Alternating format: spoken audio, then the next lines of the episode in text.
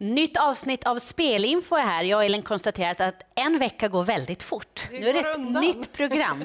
Eh, Jägersro gäller på lördag V75 med svensk uppfödningslöpning, det största loppet för våra tvååriga hästar. Eh, spännande det. Vi kommer dit. Men som bana Jägersro, Elin, Mm. vad ska man tänka på? Ja, men det är ju väldigt bra att sitta där framme och kommer in på upploppet och är den främre träffen, då är det svårt för dem där bak i kön att ta Eh, de som sitter där framme, speciellt om de har fått bestämma lite grann under vägen. Som sagt var, fördel att sitta i spets kan man väl säga. Mm. Vi, förhoppningsvis kommer vi med ett väldigt starkt lag till Frankrike i vinter. Vi såg ju San Motör då, till exempel i söndags. Kentucky River ska väl dit också, blir favorit i V75 3. Spår 10 eh, får han, galopperade i debuten för Daniel Redén som ny tränare. Blir favorit här. Ja, han kommer ju bli favorit här och jag tror väldigt mycket på honom. Alla rapporter är att han har tagit eh, ja, den där galoppen senast då, i debuten på ett bra sätt. Han hoppade ju bakom bilen då, vi kan kolla på det. Han blev lite ivrig och laddade väl kanske iväg lite själv och slog ihop och förvånansvärt, både för kusk och tränare, så slog han ihop och galopperade. Eh, och alla chanserna försvann, för han var ivrig också. Han ville tävla och eh, han får inte stopp på honom här. Men eh, jag var på plats, så jag såg honom sen när han joggade på där bakom och, och sprang och det såg väldigt fint ut. Han såg jättefin ut. Och nu är man ju inne på ifrån stallet att han har liksom vässat till honom lite extra efter det där, ökat på lite speed i honom och att han känns jättefin i träning. Så nu när han åker till Jägersro, då tror jag att han kommer vara bra. Man är, man är ju inne eh, på att ifrån stallet att det är bra med ett bakspår dessutom den här gången. Då kan han liksom jogga igång lite där bakom hästarna. Sen vet vi att han är stark, han är tuff, han tål att göra mycket. Man kan vara offensiv med honom och det är bästa hästen i eh, fältet. Så att jag tror sten på, på, stenhårt på honom och jag kommer spika honom.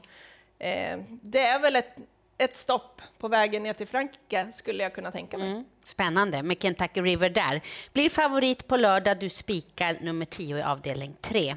Sen den sjätte avdelningen då, ett drag. Det är dagens dubbel 1, V75 6. Kanske blir ganska jämnt spelat. När vi spelar in det här, Rossi Garland nummer 2, knapp favorit. Du vill prata om Gocciadoros Catolojet nummer 8. Mm, han fick ju inget bra utgångsläge, men jag tycker ändå inte man ska glömma bort honom. Han möter bra hästar som är i fin form, många av de här, men han själv är väldigt bra. Han har varit på svensk mark och tävlat. Eh, det var ju Jerry Jordan som hade honom i träning där en liten period. Och här var då för fem starter sedan när han gjorde start på Halmstad, när han dundrade på och eh, gick utvändigt en hel del i loppet, men sen fram till ledningen och ja, han leker hem den där segern.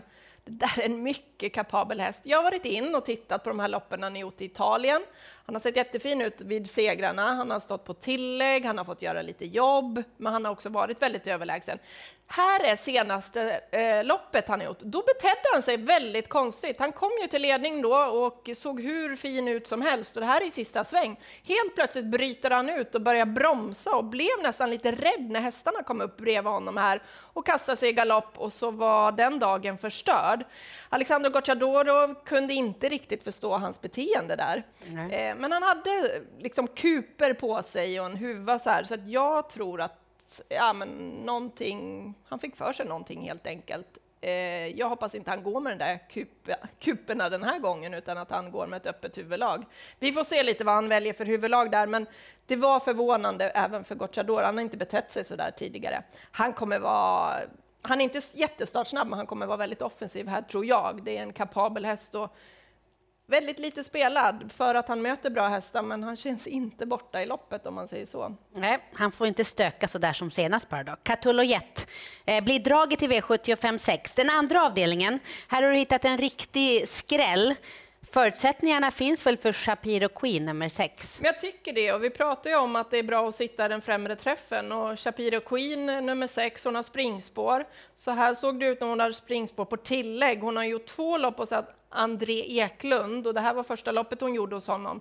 Han vände runt henne från springspår. Hon stod ju på tillägg här. Det var ju dock bara tre hästar på den första volten, men hon flyger ju fram. Och det här var på Jägersro.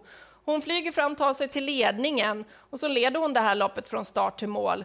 Och i den nya regin så har hon sett jättefin ut. Senast hade hon ett bakspår. Då mm, gick hon väldigt bra till andra platsen med lite, ja, långt framifrån kön om man säger så. Äh, jag tycker hon är superintressant här för att hon kommer ju sitta i ledningen. Så läser jag loppet och sen får vi se lite hur André Eklund lägger upp det. Det är tuffare ston den här gången, absolut. Men så som hon har höjt sig hos André Eklund och vad hon har presterat där så här långt så blir hon ju jättespännande. Dessutom pratas det lite om ett annat huvudlag också, norskt huvudlag och kan ge henne en extra kick. Så ja, hon Med de där bilderna 3 procent. Ja, det är för lite. Oerhört snabb i, i voltstart. Dessutom då springspår. Shapiro Queen. Eh, skrällen i V75 2. Sen kommer vi då till svensk uppfödningslöpning, det stora loppet för de tvååriga hästarna. De har ju eh, gått uttagningslopp för att komma till finalen. Du har ju kollat in de här väldigt väl i, i fjärde avdelningen. Du har hittat en skräll även här. Ja, jag tycker hon är lite bortglömd. Nummer två, Oriana Bocco. Eh, hon har bara gjort tre lopp i karriären, men vi fick ju bes ja, beskåda henne då på Jägersro senast. Då hade hon ett bakspår. Men kolla här vad, vad härlig hon är egentligen ifrån start. Hon liksom skär igenom här ifrån början, tar sig förbi flera stycken, verkar ja, jättehärligt sitt uppträdande. Han kan köra lite som han vill känns det som. Hon hittar till slut rygg på ledaren och där går hon sen och sen löser det sig optimalt för henne i sista sväng. Luckan kommer här och så bara lufsar hon förbi den invändiga hästen och håller ifrån sig de andra och han sitter i princip ganska still där bakom henne.